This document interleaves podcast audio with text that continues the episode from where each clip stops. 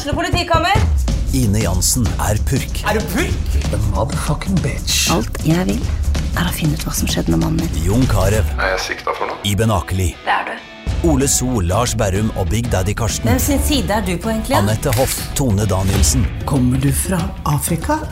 Jørnis Josef, Nesten. Kløfta. Trond Espen Seim, Det er synd å si det, men det var feil mann som døde. Purk. Premiere tirsdag på TV2 Play.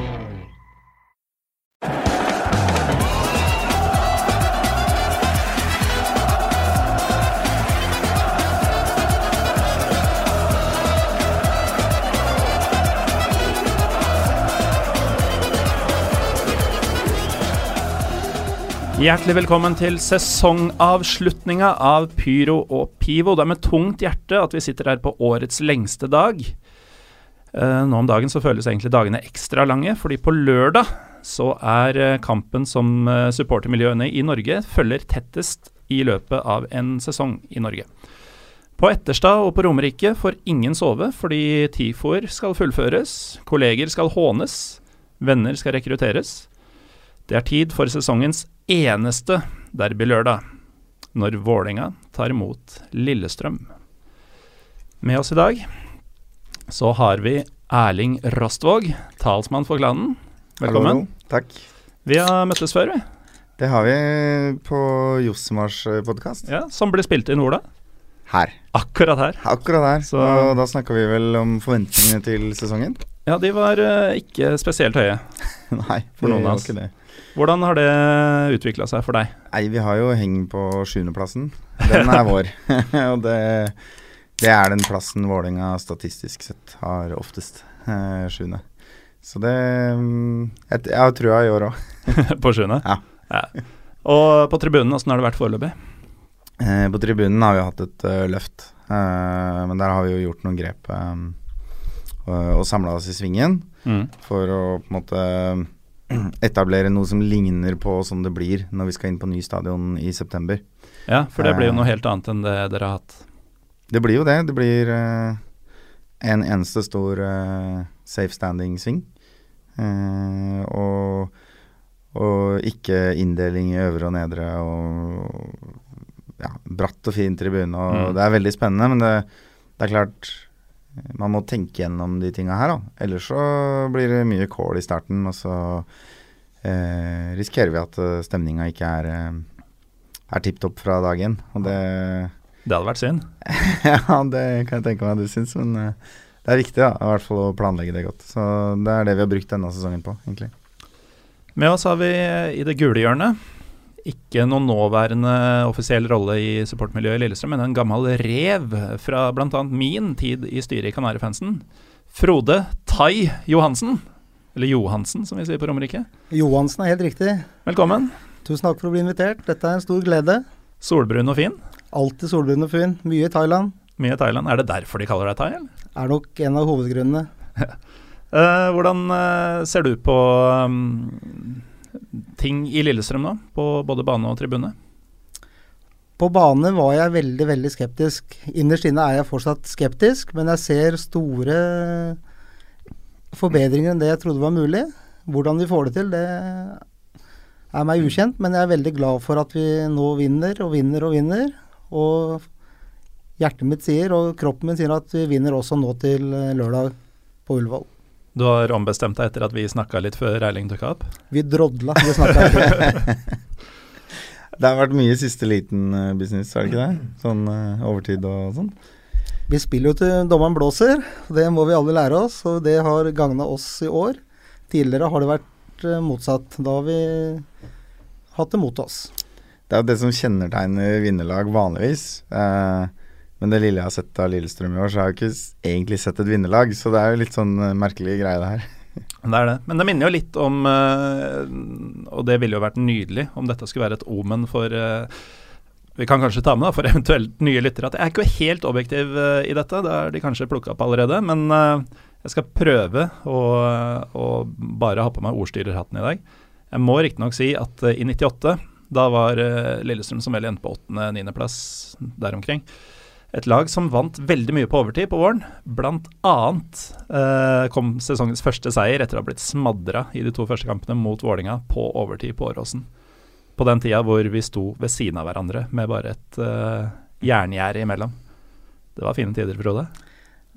Har voldsomt mange gode minner fra den tida, men vi er glad for at ting har endra seg i, dag, i hvert fall. Men eh, vi kan jo Altså, Vålinga-Lillestrøm Norges største rivaleri på én måte. Uh, det er jo det største supporteroppgjøret i Norge, det må vi vel være enige om alle tre. litt rart da at ikke stadionene fylles annet enn der klekkene står. Men hva er historien bak her? Hvorfor er det akkurat provinsielle Lillestrøm og østkantgjengen Vålinga som har fått dette forholdet til hverandre? Hvorfor er det ikke Lillestrøm og Strømmen eller Vålinga og Skeid. Erling, har du noen idé? Ja, altså jeg, jeg, kjenner ikke historien godt nok til å vite om det er en konkret hendelse, men eh, jeg har alltid tenkt på det som et slags eh, mindreverdighetskompleks. Da. Fra deres side? Nei. Nei, altså det er den Lillestrøm altså det er Rett og slett en geografisk årsak. Ligger rett utafor byen. Skulle ønske det var byen. Eh, vi er og, byen. Ja, jeg veit dere fikk bystatus for hva er det nå, tolv år siden, sånn, men uh, uh, det er jo fortsatt omdiskutert om det er å regne som en by. jeg ser bare på fakta og mm. hva som står i diverse oppslagsverk. Ja, Der er Lillestrøm en by. Men, men grunnen til at det da liksom blei Lillestrøm, tror jeg, og ikke Lillestrøm og Strømmen eller Vålinga og, og Stabæk, handler vel litt om at man er eh, i toppen av norsk fotball omtrent på samme tida. Mm. Moro å ha rivaleri med et lag som ligger eh, noen divisjoner ned. Um, Vålerenga hadde jo et rivaleri med Lyn samtidig. Og følelsene for Lyn er nok nøyaktig de samme som de var da, men det er jo på en måte ikke noe noe som går og hva skal jeg si, nærer et supporthjerte daglig, akkurat. Eh, fordi jeg driver og caller rundt nede i tredje div og vi møtte jo, møtte jo, noen representanter for Lynpodkasten Vestkanttribunalet da vi gikk inn i studio her. Ja. Dere var jo forholdsvis uh, vel forlikt, dere? Ja, det, det, er eh, overraskende hvor lett det er å prate med, med Lyn-supportere. Nå er det sikkert noen som syns jeg banner litt i kjerka her, men det er uh, For meg så har liksom forskjellen på Lyn og Lillestrøm Det er sånn Som Vålerenga-supporter så blir du veldig ofte spurt hvem hater du mest, ikke sant? Er det mm. Lyn, er det Lillestrøm, er det Brann? Og for meg så har det alltid vært uh, Et lyn så hater jeg liksom logoen og, og, stilen og holdningene og vestkanten og liksom alt de representerer, da. Mens på Lillestrøm så hater jeg spillerne og folka i klubben og supporterne. Da er det liksom Eh, Alle disse som er så lette å like? Nei, altså Arne Erlandsen i, eller, Ja, ikke sant. Sånn at uh, Det er to forskjellige aspekter av hat her. Mm. Uh, nå sitter jeg i et rom med to LSK-folk, og vi har det jo for så vidt hyggelig, men, men, men det er faktisk der forskjellen ligger. Altså, det er Og det sa jeg til en journalist i dag òg, at de uspiselige folka er i Lillestrøm, liksom. Det er noe greia. I Lyn så er det selve systemet som er råttent, men i Lillestrøm så er det folka? Ja, de liksom har jo pusha at de er liksom snørrhovne aksjemeglere, og det er jo en, eh, en, stil som det er veldig lett å mislike for de aller fleste her i landet, tror jeg. Eh, men, eh, men jeg har ikke den samme liksom pågående konflikten med alle fra Lyn jeg møter, sånn på gata. Nei, det har jeg ikke. Frode, kjenner du deg igjen i dette, eller er vi møkkafolk? Vi er ikke møkkafolk. Vi er eh, jordnære, ordentlige folk som eh, brenner for klubben. Vi har gjort det i 100 år, vi kommer til å gjøre det mange mange hundre år til. Eh, ofte så ser vi at eh, når vi møtes, så, så, omtaler media oss som en hatkamp, derby-oppgjør og sånn. Og det, det, er veldig flotte ting som vi skal ta med oss. at det, det hatet gjør at noe av kampen blir så mye mer spennende enn noe som helst annet. Eh, vi kan ha møter, vi kan treffes internt, og så møtes vi på stadion, og så smeller det til noe jævlig. Og det er liksom noe av det som gjør at det er bare ett derby i Norge. Vi kan snakke om vestlandsderby og uh, Vålerenga-Lund. Det er, er, ikke noe derby. Vålerenga-Lillestrøm, Lillestrøm-Vålerenga, det er derby fra ende til annen. Og, og sånn må det være. Uh, når det gjelder hat, så er jo hat så jævlig mye. Uh, jeg kjenner masse bra folk, og mange av dem har mange rare eh, gigger. Eh, De hater Vålerenga så veldig at de gjør mye rare ting. Eh, Som som Ja, nå er jeg spent. Ja. Altså, for noen år tilbake så var det noen Må le litt når jeg tenker på det. Jeg ble fortalt det. Da var det en gjeng som dro til Vålerenga med hjemmehøsta store poteter i bilen. De hadde lagd en potetkanon. Og reiste rundt på Vålerenga for å skyte da høl i mest mulig vinduer på Vålerengas brune puber og steder. Det lykkes ikke, fordi at potetene greide ikke å knuse vinduene. Så det, Det er sånn B-gjengen-opplegg, er altså. Men ikke sant? det er en type hat som gjør at eh, noen setter det i spinn, og så blir det noe greier. Eh, når jeg satt i styret, så var jeg jo sikkerhetsansvarlig i Kanarifansen. Og det skal vi komme tilbake til. Da fikk vi noen henvendelser eh, som vi måtte hjelpe til å stoppe. For, for noen ganger så går det over streken. Eh, det var en gjeng som skulle male hele inngangspartiet på Vålerenga kjerke. Eh, man kan le eller grine av det, men noen har et hat som går over grenser. Noen har hat som ut, utholder seg vold. Men eh, så har vi andre settinger hvor Vålerenga prøver å trigge oss litt med noe kirkekors på året og sånn. Det er en type hat, det også, men samtidig med, med glimt i øyet. Så hat er jeg tilhenger av, så lenge det ikke ender i vold.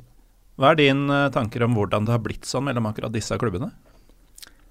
Det Du husker jo gamle dager. Ja. Vidar Davidsen og sånn. ja. Han er homo, og det trives han med. Ble i hvert fall synget det på gamle dager. Jeg har ikke noe mot homoer i det hele tatt. Men eh, Vidar Davidsen eh, og mange av de andre i Vålerenga, de har på en måte vært litt storebror i mange år for oss eh, på bygda. Men så har vi greid å se at faen, Vålerenga er jo ikke noe bedre enn Lillestrøm. Vi er faktisk mye bedre enn dem på mange områder. Vi har blitt kåla til Norges beste supportere. Det Det en- har vel strengt tatt de også. Nei, vi har blitt, det har vært én offisiell kåring i alle tider. Ja, det var da Vålerenga var i første. Ja, Hvor mange gullbluss har dere vunnet? Altså Hvis vi først skal snakke om kåringer som bare har vart en liten stund, så er det Men vi er offisielt én gang, og det er vi stolte av. Og det lever vi for lenge. Det er mange år siden. Det var VG sin kåring. Men det er klart eh, Ja. Gullbluss er egentlig en ganske fet uh, tittel å få, altså. Ja, den har vel uh, Jeg tror den ble delt ut i fem år eller noe. Jeg Mm. tror Enga Tifo tok den fire gangene. Eller noe sånt. Og var på pallen alle gangene. Så det Men uh, VG har mer peil på sånne ting da, enn det NSA Det sier jo litt om den kåringa, at den var så skandaløs at de måtte bare droppe hele greia etter ett år. Men jeg husker jo den. Det var i, det var i 97 da Vålerenga var Hvilken divisjon var dere i da, Erling? Eh, nei, eh, ingen kommentar. Nei, det, det, vi møtte dere ikke den sesongen, mener jeg å huske. Vi har ikke rykka ned. Men uh, Vi har aldri rykka ned, vi. jeg husker det ble vi terningkast uh, runde for runde på hjemmelagets fans i Mm. VG. Mm. Ja. på, samme sak som, på samme måte som kampene fikk terningkast, og spillerne får jo eh, rating etter Bare terningkast i VG. i toppdivisjonen, da. Ja. Ja, det var Sånn at, vi ikke vant. Vår argeste rival i den kampen, det var Måkeberget.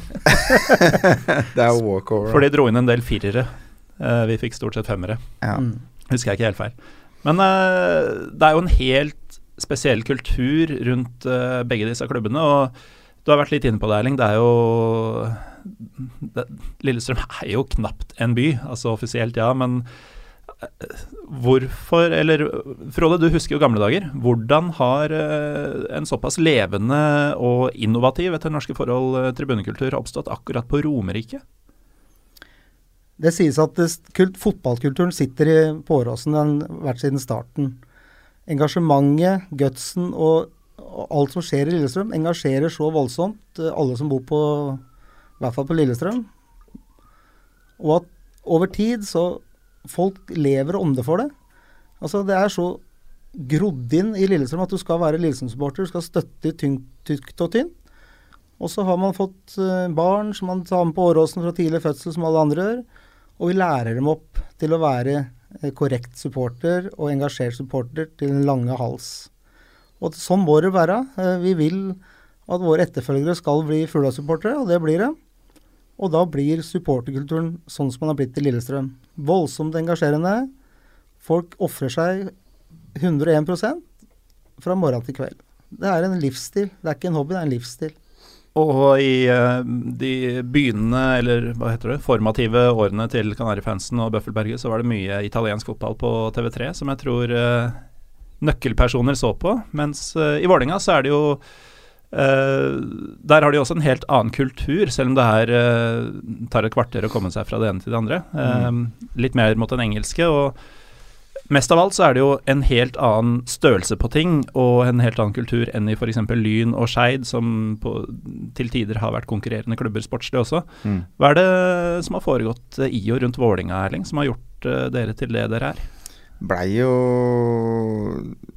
Hele den greia med bohemlaget på en måte ble en litt sånn legendarisk greie som eh, som vel kanskje også snakka veldig tydelig til en demografi, da. Mm. Og det er klart at hvis du kan eh, skape et litt sånn oss mot dem i bybildet, og det kan du jo i en storby som Oslo. Du kan, du kan isolere tre bydeler og si at vi er annerledes enn alle de andre rasshøla rundt oss. ikke sant? Så får du en veldig sånn, sterk og tydelig identitet som, som, det går an å bygge et eller annet rundt. Som du sier, så har du fotballkultur i veggene på Lillestrøm. Og, eh, men det er mange steder som har det, og som bare ender opp med å drive gode klubber uten noe engasjement rundt. Sånn at eh, det å være plassert i nærheten av en hovedstad, eh, det, eller i en hovedstad, det å være i nærheten av flere andre topplag, det å og litt tilfeldigheter, selvfølgelig. En ildsjel som ser noe, er på en utenlandsreise og blir inspirert. Det er, det er mange, mange, faktorer da, som gir en litt sånn perfekt storm.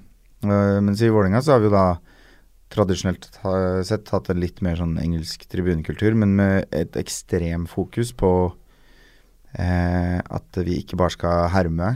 Det har vært veldig, veldig, veldig sterkt siden slutten av 90-tallet.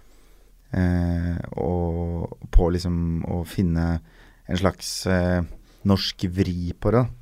Og der kommer jo melking av kuer og, og, og litt sånn nasjonalromantiske låtvalg. Og litt Enga sånn, i rødt, hvitt og blått? Ja, for mm. eksempel. Da. Eh, som, har vært, eh, som jeg er veldig stolt av. da, At vi har et eh, ekstremt mangfold når det gjelder tribunsanger.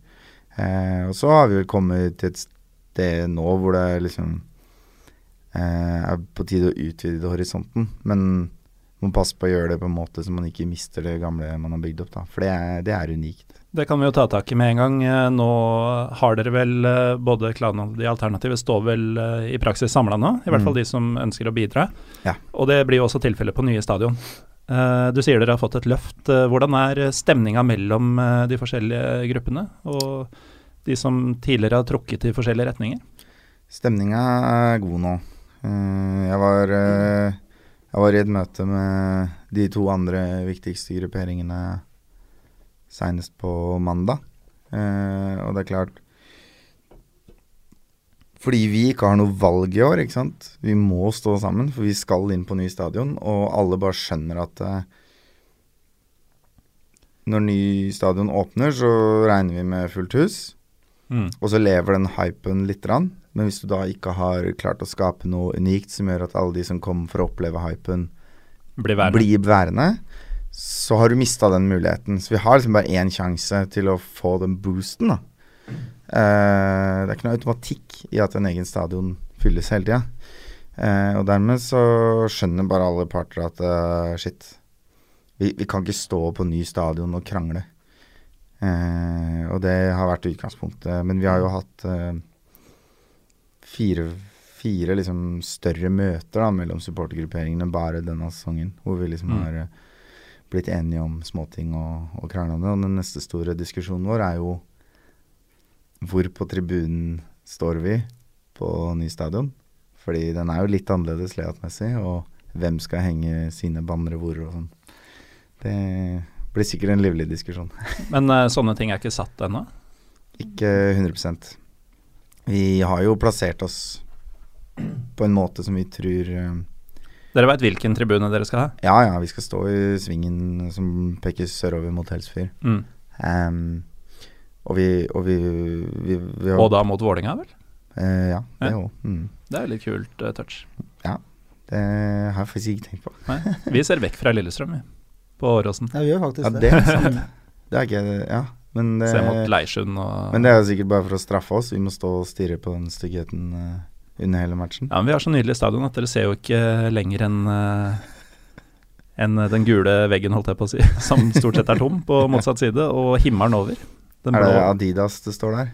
i setene? Nei, ikke det er en stund siden. Ja, okay. Det er vel uh, Legea. legge Ja, nå, nå sklir det litt ut her, Ja, det gjør vi. Uh, vi har i hvert fall uh, gode samtaler grupperingene imellom nå. Uh, og den største utfordringa for oss i klanen, og det er ikke noe hemmelighet, det har vært å komme overens med um, Isco Boys, da, som er casuals-grupperinga vår. Og der har det skjedd noen endringer siste, siste året som gjør at det går an å møtes i et rom og snakke sammen, og regne med at det man blir enige om der, holdes, da. Hvilke, hvilke endringer er dette? Nei, holdningsendringer rett og slett hos nøkkelpersoner i, i uh, Isco Boys, Mm. egentlig. Så vil de sikkert si at vi, det er vi som er en oss, eller et eller annet. Det har sikkert med stolthet å gjøre, men, men jeg opplever i hvert fall det at eh, folk som tidligere har vært umulig å inngå en avtale med, går an å snakke med nå. Og så er vi i en prosess hvor vi da driver og prøver å bygge opp igjen noe tillit da, som ikke har vært her en stund. Og det bringer oss over til eh, nå som vi snakker om nytt stadion. Dette er, eh, med mindre begge disse møkkalagene kommer til cupfinalen, som Mm. vi vel må ta høyde for at ikke skjer, så er det siste gang vi møtes på Ullevål. Uh, jeg vil jo tro at i hvert fall fra Lillestrøms side, og forhåpentligvis også Vålerengas, at det kommer til å gjøres litt ekstra ut av det. Uh, hva er dine forventninger til lørdagens match, uh, rent tribunemessig spesielt, eh, Erling? Jeg forventer vel at uh, begge lag øh, drar i gang en eller annen form for TIFO. Uh, med eller uten, uten pyro. Jeg har ikke tenkt å avsløre hva Vålerenga gjør, for det har vi tradisjon for å ikke gjøre. Men Men du sitter med Enga Tifo-T-skjorte, og du kan vel si ganske sikkert at det blir en Tifo? det kan jeg nok avsløre med en gang, ja. Ja. At det blir noe. Vi, Det skal være katastrofe. en TIFO, det fins ikke maken. Nei, men det fins en del situasjoner Jeg har jo vært leder for Enga Tifo i en del år, for noen år siden. Uh, og det er en hel haug med kamper hvor én detalj har kunnet forårsake at det ikke blir TIFO.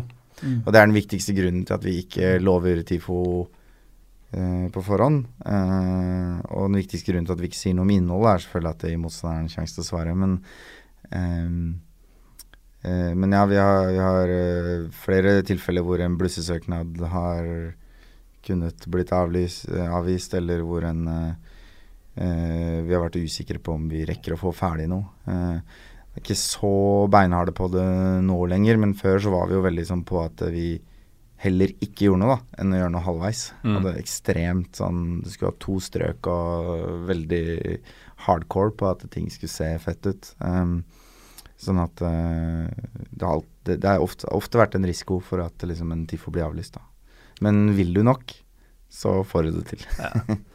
og med det så lovte vel Erling på sin måte Tifo fra klanens side. Frode, hva, hva håper og tror du skal skje på lørdag? Vi har en TIFO-gruppe i Kanarifansen i samarbeid med UFC. De har vist flere voldsomt flotte TIFO-er nå, spesielt til 100-årsjubileet vårt. Ja, den var fin. Nydelig. Og snakker om ølen eller TIFO-en nå? Uh, jeg snakka egentlig om uh, Tifon, men Ja. eh, ølen smakte i dag, den òg. Ja, det er godt. Pivon.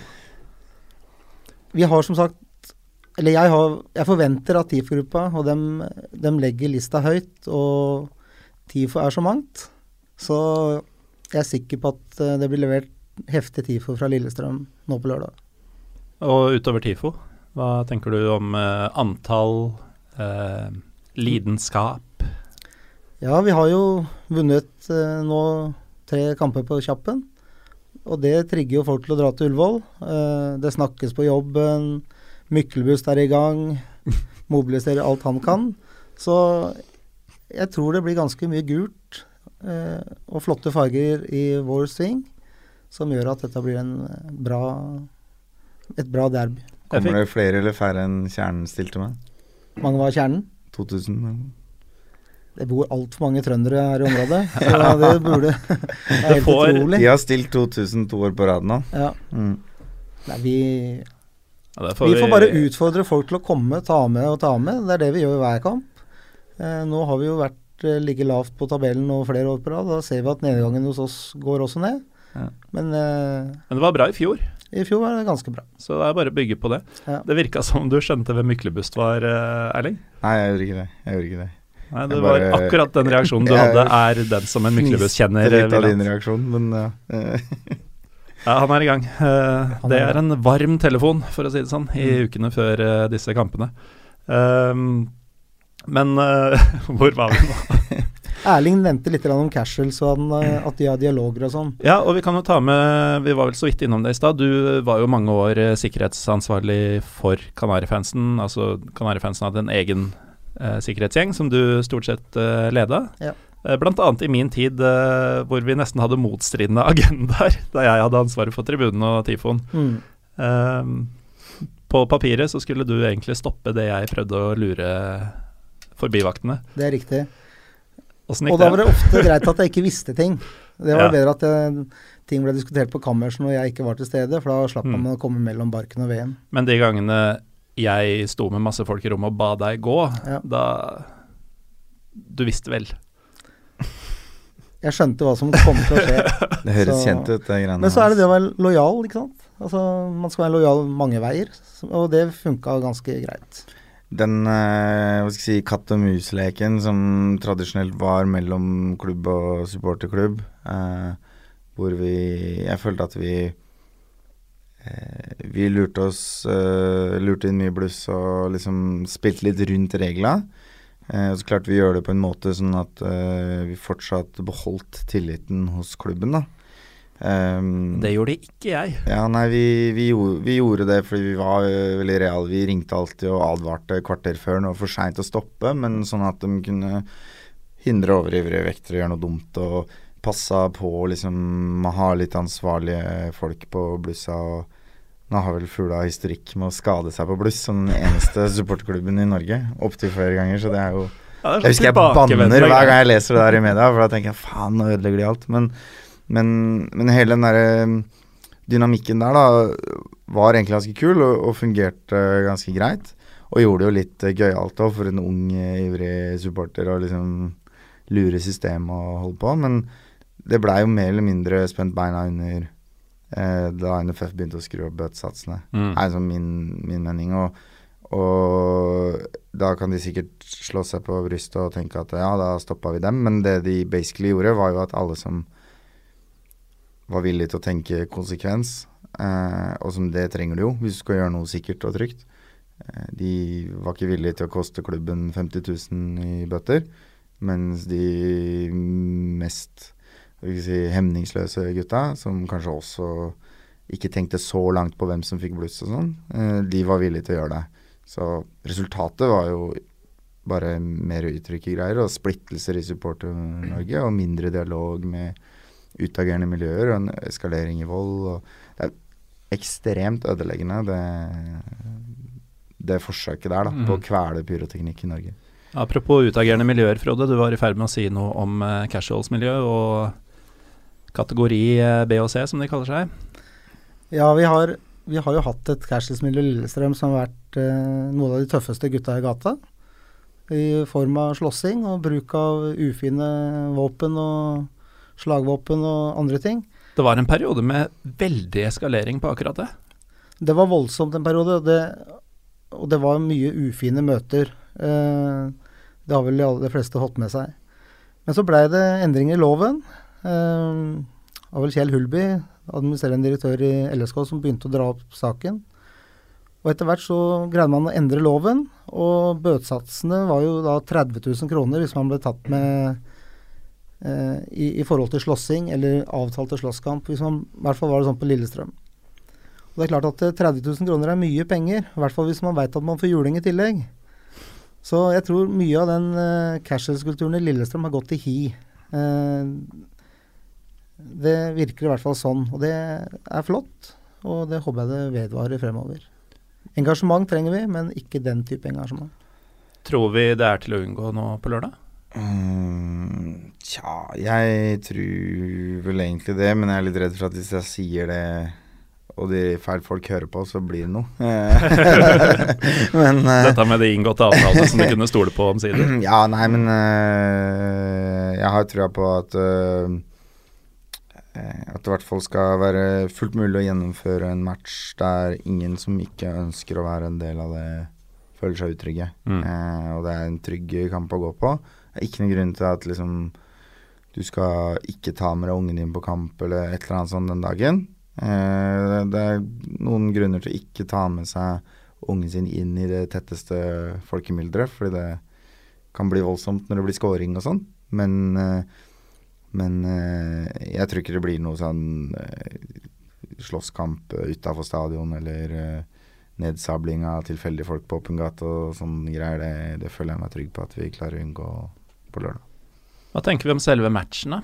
Nå, Erling, du og jeg, Josemar, vi eh, var skeptiske til laget våre. Mm. Eh, Vålerenga har jo sakte, men sikkert eh, stabilisert seg gjennom sesongen. Det er jo fortsatt et stykke å gå, men det er i hvert fall noe annet nå enn det var eh, ved seriestart.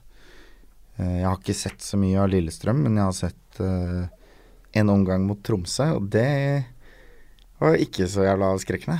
Første omgangen På der. Tromsø? Ja. Nei, vi lå vel unn... Nei, det ble 1-1 til pause, men Ja. det var en god omgang til å være Lillestrøm. okay. Det jeg så var ekstrem fart uh, inn mot mål, og gjerne fire Lillestrøm-spillere av gangen i full fart inn mot målet. Og det er sånn som Vålerenga er vant til å sove gjennom og drite seg ut på. Men det er også så samtidig, var jo eh, konkurranse i hvem som kunne ha mest feilpasninger på midtbanen mellom de to laga, og ekstrem liksom ha tullefotball på alle andre lagdeler. Ehm, og akkurat mot Lillestrøm Altså, jeg er jeg ikke så redd for at liksom, Vålerenga skal senke seg takk, for det er for mye energi Mm. rundt matchen. Eh, samtidig som Knutson er ute med kort. Og det, Han var ganske muggen, Frode. Han var muggen, og det, det er ikke Hvis man klager på en ting, og så alle ser at um, en klage bør gå gjennom, så er det selvfølgelig alltid det som skjer, at den ikke går gjennom. Mm. Og i dette tilfellet er jo dette det samme.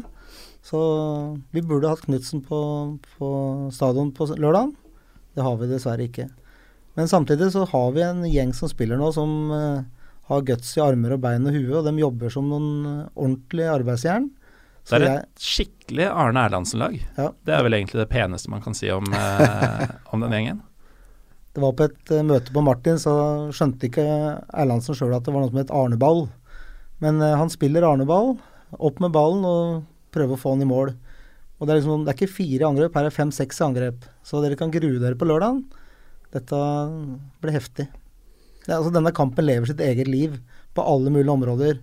Fra man ankommer Ullevål til, man, eh, til kampen begynner, og ute på banen er akkurat det samme. Så det, det, Det er to lag som absolutt ikke kommer til å senke skuldra. Da. Så det blir jo eh, furore, i hvert fall første halvtimen, helt men til alle er utslitt. ja, som det pleier å være kaos Ja. første 20 minuttene, første halvtimen. Mm. Nesten alltid i de matchene her. Og jeg tror det er en veldig dum match å sette penger på.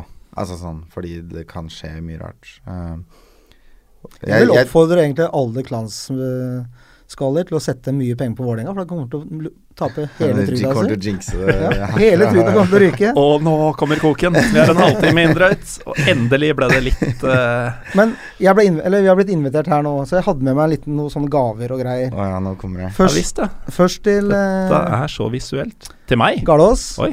Også i uh, aluminiumsfolie. Jeg hadde ikke noe ordentlig gavepapir. Ser mistenkelig ut som en spritflaske. Ja, det, det var litt flaskete preg over det. Er det en Eh, jeger? For at dette skal være god radio, så må vi bare prate mens jeg pakker opp. Ja. Og det ser veldig ut til å være ei flaske med Ja, hva er dette? Ja, hva i helvete er dette? Dette er Mekong. Ja, det, Det står det er- jo. Det er fra Thailand, dette. Thai-whisky lagd på ris. Åh. Drikkes med cola og Mekong. Dette er verre enn dårlig hjemmebrent, så vær forsiktig, Morten. Hva skjer hvis jeg ikke dette, dette er ikke drikka di på lørdag, for å si det sånn. Nei, da, da kommer ikke jeg inn. Da havner du der med mykkelær. Hvis du smugler den inn, så kan du jo komme inn. Da er det bare å begynne på den på tribunen. Denne halvliteren, den, den rekker til en 50-60 mann, altså. For å oppfordre deg til å sende den rundt på ultrasfeltet, sånn at dere presterer litt uh, halvslapt, da. Ja, Nei, jeg har nok andre ting jeg skal smugle inn på lørdag, hvis, eh, hvis noe. Men eh, hva skjer hvis jeg ikke blander den med cola? Da blir du uggen. og så Erling, når vi Ja. kommer på, som gjest til dere på, på Ullevål, så det er sjelden dere legger til rette for oss på noen måte. Altså, det er ikke noe trivelig egentlig å komme og se dere. Og dere begynner å bli siderumpa, de fleste av dere. Og sangstemmen deres har blitt så som så den siste tida. Veldig mørke i stemmen. Så jeg har en liten gave til hele klanen, alle som synger. Så du fordeler dem ut til hele gjengen din. Så kanskje det blir litt mer trøkk på tribunen. Det har vært, det har vært dårlig den siste tida. Måten han, eh, han la det fram på, og lyden eh, som kom da du rista på pakka Det er Iva Fredrik Andersen jeg har. Eller er det Andresen? Andresen. Ifa. mm. Ja. Så de to pakkene tror jeg holder til alle som synger på Vestbredden. Jeg føler at jeg vant uh, gavekrigen. Ja, det føler jeg jo. Det er noe med å få to pakker IFA når du sitter ved et bord som renner over av lekkerolbokser. Det er ikke så jævlig stas, men eh, Nei.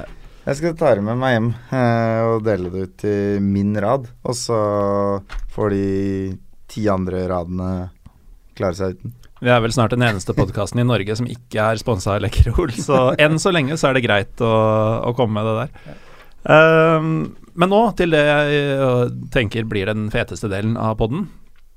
Vi har jo vært på en del av disse kampene alle tre. Vi er jo ikke, vi er ikke 19 noen av oss. Og vi har jo opplevd både det ene og det andre. Um, Frode, som den uh, syvende far i huset rundt bordet her. Hva har vært eh, Vi kan starte med hva har vært den verste derbyopplevelsen din? Det var uh, uten tvil semifinalen i 2005 på Åråsen. Verste? Ja. Var du i Thailand da? Nei, jeg var på kampen. Vi tapte jo 11-10 i straffekonk. Semifinalen 2005? Ja. Ja, jeg vet ikke med deg, men jeg var på så cupfinalen 2005. I en veldig gul og svart sving mot Molde, hvor vi tapte 4-2 etter ekstraomganger. Husker Men du eh, fjerde runde 2003, tror jeg det var. Kanskje jeg blandet årstallet. Ja, og anledning. Mm. Ja. Uh, men ja, ja. hva Du Begynner. Begynner å dra på åra. 10-11 på straffe, sier du? 10-11 på straffe. Det Mm. er jo noe av det Kampen var beinhard fra første avspark. Det ble kjempa, kjempa, kjempa. Og så ble det til slutt straffespark.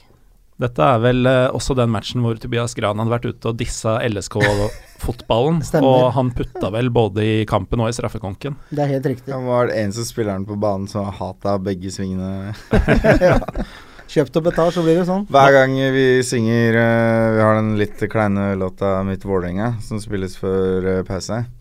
Og der er det en linje som i, Er det den Kelly Family-låta? Ja. Det er den Kelly Family-låta. Eh, Jeg har gjort noen inns- forsøk på å få den bytta ut, men eh, ikke lykkes.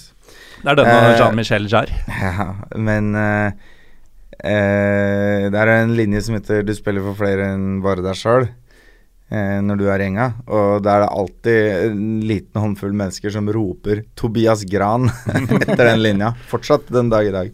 Så det Han gjorde gjør inntrykk. Men utenom det så tipper jeg at uh, Frodes, og for så vidt uh, kanskje også mitt, uh, verste derbyminne er eh, blant dine bedre. Eh, nei, Eh, Nei. fordi jeg, eh, jeg var ikke der. Ah, Jeg begynte faktisk å følge Vålinga så seint som i 2003, og da ved at jeg liksom fikk et par billetter eh, og var på en del kamper. Er du fra Toten, egentlig? Nei, nei, nei. Det er veldig mye sånn Toten-folk som trekker mot byen. Handla noe jævlig på Rimi en periode, så Ja. plutselig nei det eh, nå blir det veldig, veldig eh, på meg som person, men jeg, jeg hadde jo en eh, Jeg var ganske svær i kjeften jeg, i, så seint som sannsynligvis i 2002. Og mente at fotball, det var moro å spille og kjedelig å se på. Eh, og så fikk jeg et klansmedlemskap og to kampbilletter i bursdagsgave. Og Det ene var eh, Jeg husker ikke hvem Vålerenga spilte mot engang, men da, ja, da fikk jeg lov å stå på Vestbredden sammen med klanen. Og det andre var Norge-Finland, privatlandskamp. Mm. Eh, og da oppdaga jeg jo at eh, man er jo ikke der for sporten i det hele tatt. Man er der for stemninga og eh, atmosfæren. Mm. Og så merka jeg hvordan det var når atmosfæren på ingen måte var til stede i den utrolig dørgende kjedelige 0-0-kampen mellom Norge og Finland. Eh, og det var vel egentlig der, der og da jeg ble solgt inn på, på hele supporterkonseptet. Eh, og så engasjerte jeg meg i Enga Tifo i 2004, og så har det bare gått slag i slag siden det. Ting gikk fort. Ting gikk veldig fort. Eh, jeg husker det er vanskelig å årstallsfeste det, men i hvert fall eh, Jeg tror jeg var leder i Enga Tifo i 2007, og så mista jeg en eksamen pga. cupfinalen i 2008, og så eh, ble valgt inn i styret i ja, eh, noen år etter det. Eh, så det har gått veldig, veldig fort. Men eh, derby? Derby, ja. Og det er jo en annen greie som er med meg. At jeg er jo han fyren som nesten aldri husker matchene. Eh, Jeg husker bare koken og klarer ikke å plassere det i tid, og så husker jeg Tifon. Men det er jo vel så gode argumenter for å huske ting ekstra Ikke sant. Jeg husker veldig godt uh, den tifoen vi hadde på Åråsen, hvor vi eh, hvor vi hang opp eh, gjennomsiktig plast i gass i heliumballonger. Sånn at vi fikk et loddrett eh, banner foran hele svingen. Eh, og jeg husker alt styret rundt det. Da vi oppdaga at den heliumen vi hadde kjøpt, var blanda ut. Så vi hadde regna feil på hvor mye det gikk. og vi måtte finne en uh, dykkerforretning i Lillestrøm som ville åpne på en søndag og skaffe oss det vi trengte. Og det var liksom Og det fant dere? Ja, det ordna seg. Forrædere, Frode. Eh, det Hva var- het den butikken, husker du det? For å si det sånn, han Lå tok seg jævlig godt betalt. det det, det røyk noen tusenlapper. Jeg husker også forsøket vårt på å rigge TIFO oppå taket til uh, hjemmetribunen mellom kamp. eh, som dessverre ble avbrutt av snuten bare en halvtime før man var ferdig. Eh, og så husker jeg mm, eh, Så det er jo definitivt et dårlig minne, da. Eh, Kunne blitt legendarisk. ja, kunne blitt legendarisk. Eh, Det var sikkert Frode som så det og tipsa snuten. Nei, det verste Hauken Frode Tai. Jeg tror det verste minnet for meg på Darby er litt problemer med å tidfeste det, men det kan ha vært i 2006 eller noe, kanskje, på Ullevål, eh, hvor jeg plasserte meg for nærme Fuglasvingen i, på Vestbredden. Mm. Eh, og endte opp med å Jeg husker ikke helt hvorfor jeg sto der da, men jeg sto der i hvert fall med en fyr som ikke var så mye på kamp og sånn. Eh, og endte opp med å eh, eh, Og da tror jeg det trommeopplegget deres var ganske nytt. Ja, det høres 2006 ut. Eh, Tapte dere også? Det husker jeg ikke. Jeg bare husker frustrasjonen over at at det å stå så nærme den tromma gjorde at det var skikkelig klønete å få med seg hvilke sanger som ble starta inn mot midten hos oss, da. Mm. Der hvor jeg vanligvis ellers alltid har stått før og siden. Um, og, og liksom den der frustrasjonen som kommer når du liksom føler at du ikke er i stand til å løfte folka rundt deg med på et trøkk. Og det handla jo ikke bare om lydbildet, men også om eh, at det sto mye turister akkurat der jeg sto. Mm. Eh, men det, den kampen husker jeg som ekstremt frustrerende.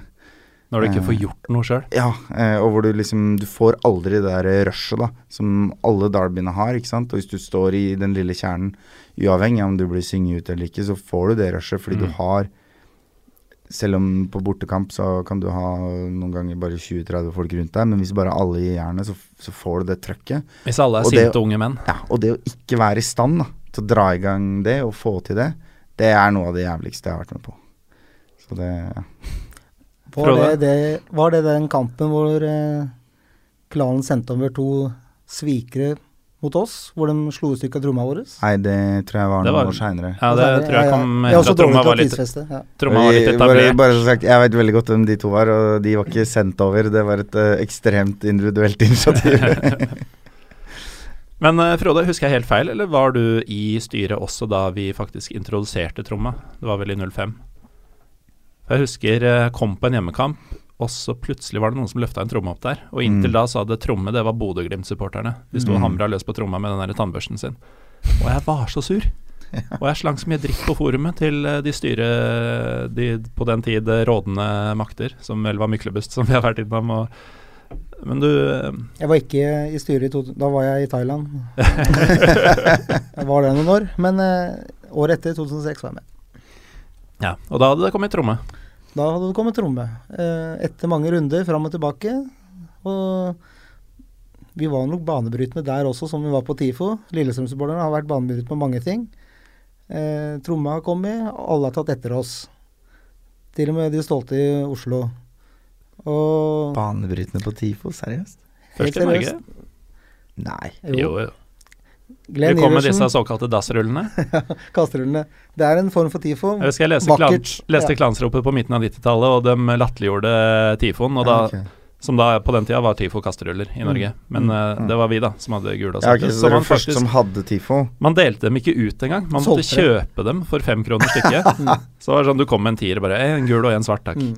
Eh, og da sto det i klansropet at uh, Lillestrøm, uh, eller Pippippene som det vel sto, Mm. hadde fått for seg at å hive dasstrøller på banen, det fikk dem til å se mange ut. Mm. Så nå, Ja. var, nå var det kult på Romerike, da.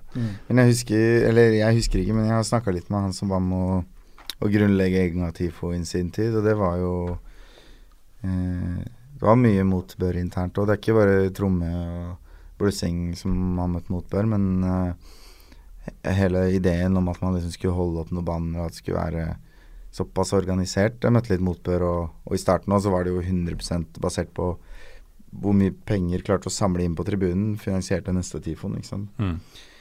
Um, så det har skjedd noe der. Men greit, dere var sikkert først i Norge på TIFO, men dere har ikke brutt så jævlig mange barrierer siden det. Uh, der føler jeg vel kanskje klanen har uh, tatt noen skritt eh, for dere, eller? Og der var det poenget forbigått i stillhet. Men uh, Frode, ditt uh, Betyr det at vi tapte akkurat den? Nei. Nei. Taper aldri. Nei. Det kan ikke du si. Det er jo trademarka slagord for eh, klanen. Det finnes en gang Jeg er litt usikker på akkurat når det var, eller noe, men en, sannsynligvis en nedrykkssesong åtte tap på rad, eller noe sånt. Så sang klanen 'Vi taper sjelden' en gang. Det hørtes ut som Eh, vestkanten. Sjelden. Og det heter aldri. Det er, det, er, det er jo to forskjellige betydninger, da, for Ja. så vidt. Men, men uh, tilbake til disse opplevelsene. Vi har vært innom uh, noen av de verste og beste, men uh, Frode, du likte ikke så godt den straffekonken, men du har hatt noen gode opplevelser også mot Vålerenga. 2012 er en av de bedre. Fordi Som oftest så vinner vi mot Vålerenga. eh, På tribunen. og i 2012 vant vi også 2-1. Det kom litt i bakevja, den, eh, den kampen i forhold til resultatet. Men det var jo, som nevnt tidligere, også et voldsomt uh, supportertildragninger fra begge sider. Klanen starta med et stort antall bluss og tilhørighet til blinker og røyk. Og så dobla Lillestrøm det fra sin side. Klanen hadde lovlig bluss, vi hadde ulovlig. Vi hadde ti lovlige og 105 ulovlige. Hvis du vil ha nøyaktige tall. Høres flott ut. Der har vært mange. Dette er eh, så å si offisielt, eller? 115 enheter er jeg ganske sikker på er det nøyaktige tallet som ble delt ut. Jeg har jo, eller hadde, han har slutta nå, men eh, IT-ansvarlig på jobben min. Mm. Han eh, var jo en av disse som fyrte ulovlig på den matchen. Ja. Og det var god kok både før og etter eh, på jobb i de dagene der. Men eh, det var jo, eh, ifølge meg eh, Det var ikke så mange på matchen, jeg tror det bare var noen 12 000 eller noe sånt. Mm. Men det er kanskje det høyeste nivået vi har hatt eh, sånn klakk mot klakk i norsk historie Mm. på både Altså på internasjonalt nivå. Da var det fullt kjør fra begge svingene. Vi var mange i begge svingene, og det var Man svarte nesten hverandre med pyringa. Det var Alle ga helt faen i alt av konsekvenser og bare malte på, og så Mm. vinner vi. Så jeg er litt enig med deg der, Frode. Ah, tenk om vi får noe sånt på lørdag. Det ligger litt i lufta. Jeg husker veldig godt um, Det er mange i klanen som tenker tilbake på Martin Andresens tid i Vålerenga som, uh, som uh, kjip, men han hadde jo en ganske god statistikk mot Lillestrøm. Og han starta jo en seiersrekke på Åråsen, som jeg husker som en sånn Jeg husker det nesten som én kamp, hvis du skjønner hva jeg mener. Nå tror jeg jeg spretter øynene med kongen, Frode. Skal du dele? Jeg kjører, men drikk gjerne en Mekong nå, så kommer du i farta.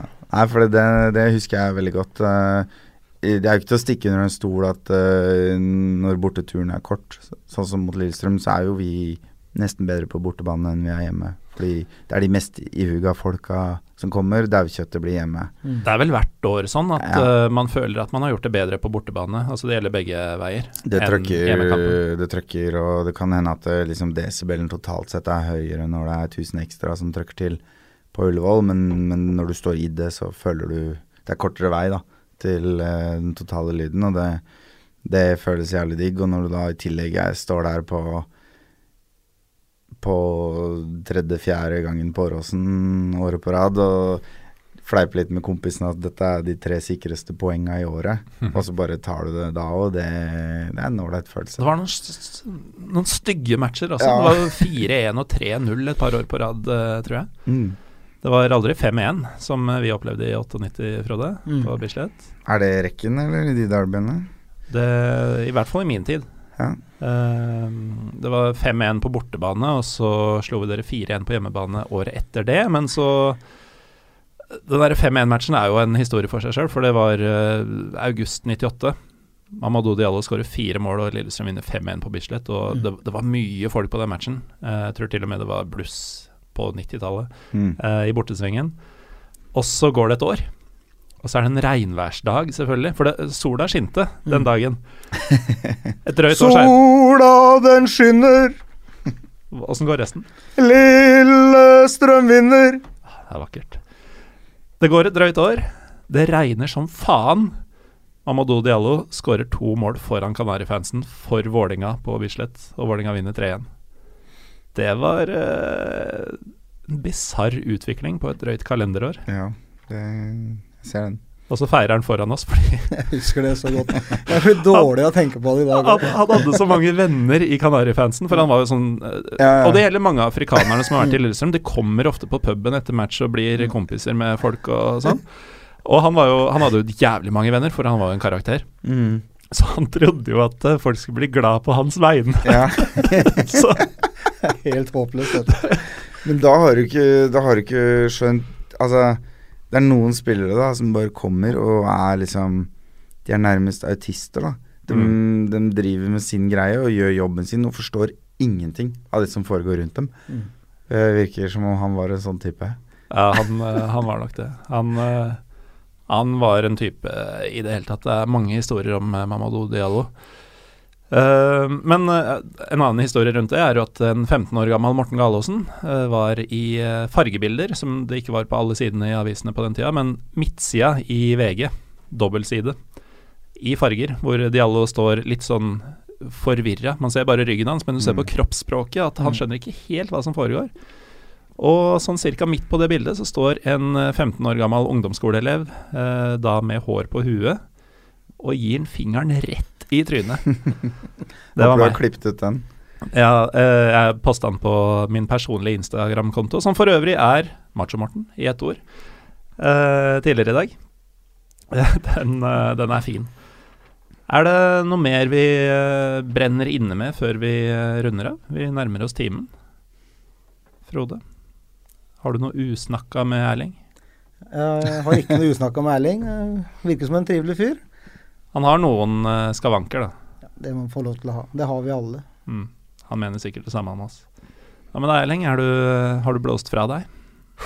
Ja, jeg hadde noe på tunga i stad, men nå har jeg Det har falt ut, altså. Det var øl, det. Jeg, jeg ble revet med av uh, historien om Diallo. Det var eh, artig. Uh, nei, jeg, jeg bare gleder meg til eh, Til lørdagen, egentlig. Og, uh, og ser fram til eh, at det trøkker til.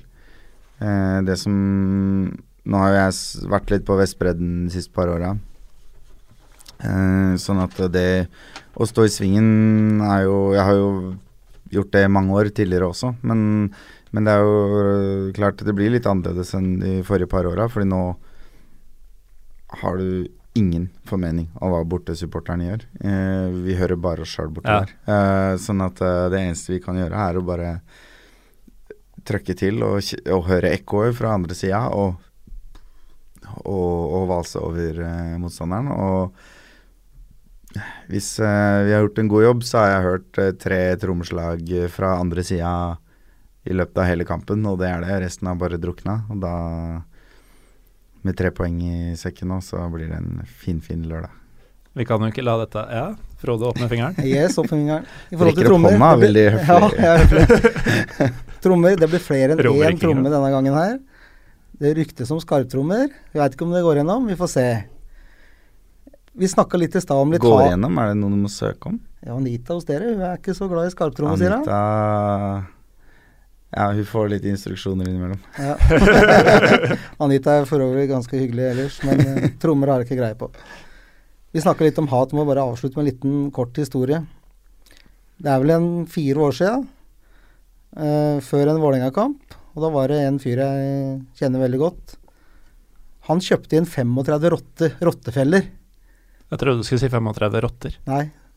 Han kjøpte inn 35 rottefeller, satt dem opp i spenn, pakka dem fint inn i eske, og sendte dem da til eh, sentrale folk i Vålerenga. Både spillere og administrasjonen. Han håpa det skulle skade seg. Så I et forsøk på å få folk til å liksom stå over matchen, eller? ja, veit ikke. Men det er mange måter å engasjere seg på. Hele seansen kosta nærmere 7000 kroner. Så det er Man håpa det skulle bli mindre klansrotter på kampen og på stadion da ved å ta det giget. Om det lykkes, er jeg usikker på, men eh, Dette enga- navnet trenger jeg fra deg etter at vi har gått Dette av lufta. engasjementet var i hvert fall heftig. Jeg vet ikke hva jeg Ja, skal nei, si. altså. de historiene jeg kjenner som er tilsvarende, de har du stort sett lest om i media. Mm. Eh, jeg vet veldig godt hvem som satt i den bilen som hadde med flasker fulle av maling opp på veggen deres, f.eks. Eh, sånn type engasjement som jo har ført til utrolig mye unødvendig aktivitet. Da. Det er jo nesten det morsomste av alt her. En ting er jo av fyren som sender rottefeller, de kommer jo sannsynligvis fram, ikke sant? Ja. Og det de var gutta betalt som- porto og pakka inn og adresser. Alt var perfekt. Ja, og de gutta som kjørte inn og herpa den veggen eh, på, i Lillestrøm, de også lykkes jo, på en måte. Mm. Eh, men alle de folka som har patruljert nattestid rundt på Vålerenga og på Valle Og det skjer jo. for å sikre seg mot hevnaksjoner rett etter ting har skjedd og sånn, det er jo nesten det artigste. Hvor mange timer som er kasta bort på akkurat det der. Også i forkant av, sånn Ja. som det har blitt nå. Eh, De neste dagene så kommer jo folk til å følge med på både Tom Lund-statuen og inngangspartiet til Åråsen Mm. og Martins og Republic og Dette er da puber i Lillestrøm, for de som Mm. bor i eh, langt vekk i stand. Uh, og det samme kommer til å skje med brakka på Valle, det nye stadionet ikke minst. Uh, Ja, og, og det, er, det er en seriøst dårlig idé å forville seg inn dit og se ut som man har tenkt å gjøre noe bøll, liksom. Mm. Det, det er det. Det vil jeg fraråde på det sterkeste. Ta, da vil jeg heller oppfordre folk til å gå på kamp og bare bidra som best der. Men, eh, men det er eh, Det er noe litt vakkert i hvor utrolig mange timer som legges ned i å bare være og skule på Ja. hverandre, egentlig. Og den, den våkne og lojale Pyro og Pivo-lytter eh, vet jo at jeg har et nært kjærlighetsforhold til en klubb i Istanbul, og der har de det faktisk på akkurat samme måten. Der er det i Kadikøy, som er eh, bydelen Fenerbahçe kommer fra, så er det en okse eh, midt i en rundkjøring, en oksestatue.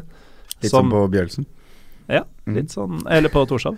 Torshov, ja. ja. Eh, ikke helt lik, men eh, i prinsippet, ja.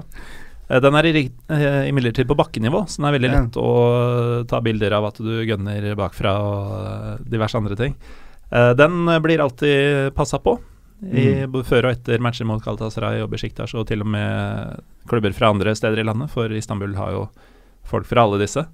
Uh, og det er litt kult for meg å se at et så sinnssykt uh, supporternivåland som Tyrkia uh, har noen av de samme trekka som vi har i trauste, lille, trygge, trivelige Norge. Det skriver jeg under på. Jeg har alltid vært en tilhenger av Du snakka om positivt hatt i stad, eh, og, og jeg, eh, jeg Jeg skulle ønske vi kunne eh, fortsette å rappe bannerne til hverandre uten at eh, masse folk anså det som en sikkerhetsrisiko.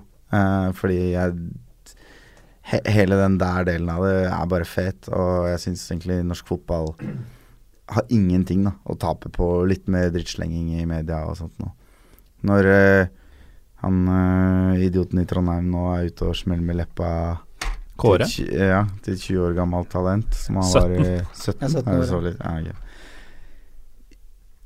Det å be han holde kjeft og være høflig er jo helt feil respons, ikke sant. Du må jo la han tømme seg, og så drite han ut fordi det han sier er idiotisk isteden. Det er mye, mye morsommere Ja, enn å prøve å, å, Mm. å få han til å holde kjeft. og sånn får du følelsene i sving hos Yes. det norske folk igjen også. Og dette greiene er det plenty av rundt Lillestrøm og mot Lillestrøm. Jeg har, jeg har prøvd å fyre opp eh, mediene litt eh, i dag, de jeg har snakka med. Så dere får sjekke ut om det blir noen saftige sitater i Dagbladet f.eks. Men dessverre, altså, så hender det dem Jeg vet ikke om de prøver å beskytte seg mot meg, eller um, beskytte, beskytte seg meg mot meg selv, eller om det bare er et forsøk på å være høflig, men uh, ofte så har jeg flere gode sitater som bare ikke kommer på trykk, altså. Og det er synd, fordi vi trenger den uh, drittslenginga der. Kjenner meg igjen fra, fra min tid. Ja. Det, er, eh, det er litt sånn potitsk over uh, måten man skal omtale norsk fotball, og spesielt denne type ting. Det er litt sånn ildtangpreg over det. Mm. Uh, da tror jeg faktisk Nå er vi på 59.10. En Pyro og Pivo-episode har aldri gått over timen. Og mange lyttere har bedt om lengre episoder. Dette er sesongavslutninga. Og eh, jeg vet ikke med dere, men for meg føles det nesten som årsbeste.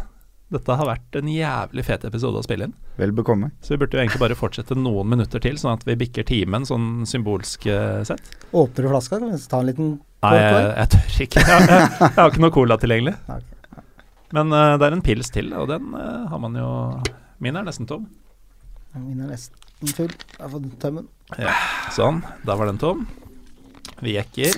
Vi er på 59,50 der. Og da kan jeg egentlig begynne avslutninga som jeg har skrevet inn. Og den går som følger. Vi mista kanskje litt av det der årsbeste driven som, eh, som var inntil nå, men i hvert fall lørdag førstkommende klokka 18.00 på Ullevål. Forresten sjukt at uh, de har latt kampen stå på det tidspunktet. Syns det er kjempeflott. Ja. Det, Det er, er fantastisk. Det er akkurat sånn det skal være.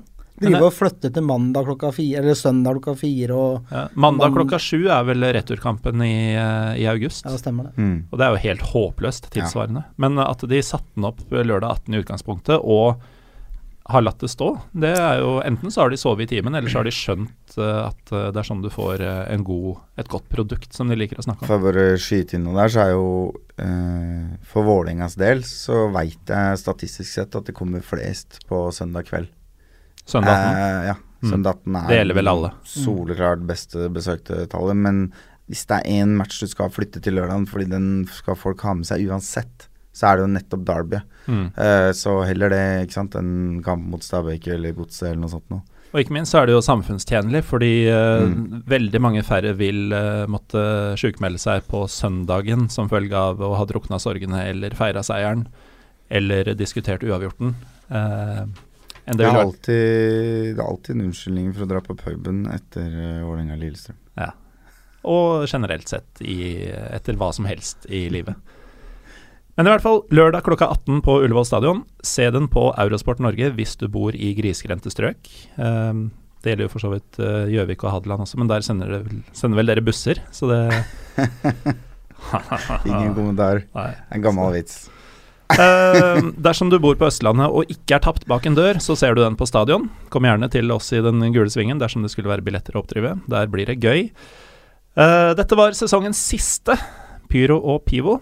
Eh, først og fremst takk til eh, kveldens gjester, Frode Tai Johansen Takk for at dere kom. og klansmann eh, Erling Rostvåg. Takk for uh, følget. Og lykke til, Frode, på lørdag. Tusen takk. Vi møtes Da får vel si ikke lykke til til begge to. Vi kan, vi kan si lykke til, da. Der. Eller jeg, jeg skal være så storsinna, Erling, at jeg sier lykke til til dere også. Men jeg holder Juga kors under bordet. Tusen takk. Jeg velger å ikke si noe mer. Dette var altså sesongens siste Pyro og Pivo. Takk til alle som har hørt, lika, tweeta, retweeta. Uh, rata har jeg skrevet. Uh, jeg er ikke en eh, Apple-bruker, men uh, dette var da til iTunes-folket. Uh, folk som har stilt opp som gjester, andre som har kommet med innspill og tilbakemeldinger. Jeg er veldig glad i dere alle sammen. Og hvem jeg er, det er eh, Morten Galaasen. Vi er Pyro Pivopod på Twitter og Instagram. Vi høres etter sommerferien.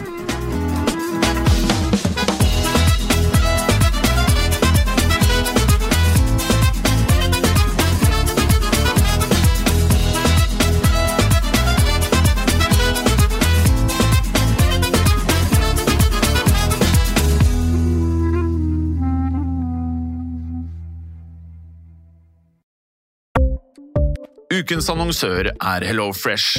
HelloFresh er verdens ledende matkasseleverandør og kan være redningen i en travel hverdag. Mange av oss har nok vandret i butikken både sultne og uten en plan for middagen, som ender med at vi går for de samme kjedelige rettene gang på gang.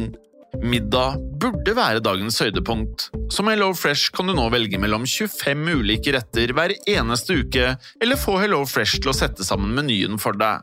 Dette gir deg muligheten til å prøve nye og spennende retter alene eller sammen med familien. Du velger antall porsjoner og får alt levert på døren på et tidspunkt som passer for deg. Oppskriftene er enkle, og maten er lett å lage både for store og for små. Ved å få alt levert hjem får du også mer tid til å dele matgleden med familie og venner. Kanskje det frister med asiatiske tacos eller greskinspirert kylling? Da kan jeg anbefale deg om å gå inn på hellofresh.no. Her kan du bruke koden FOTBALL og få opptil 1779 kroner i rabatt på de første fem matkastene hvis du ikke har prøvd Hello Fresh tidligere. Du kan også bruke rabatten hvis du har vært kunde og stoppet abonnementet ditt for tolv måneder siden eller lengre. Gå inn på hellofresh.no og bruk koden FOTBALL. Har du et enkeltpersonforetak eller en liten bedrift? Da er du sikkert lei av å høre meg snakke om hvor enkelt det er med kvitteringer og bilag i fiken, så vi eh, gir oss her, vi. Fordi vi liker enkelt. Fiken superenkelt regnskap.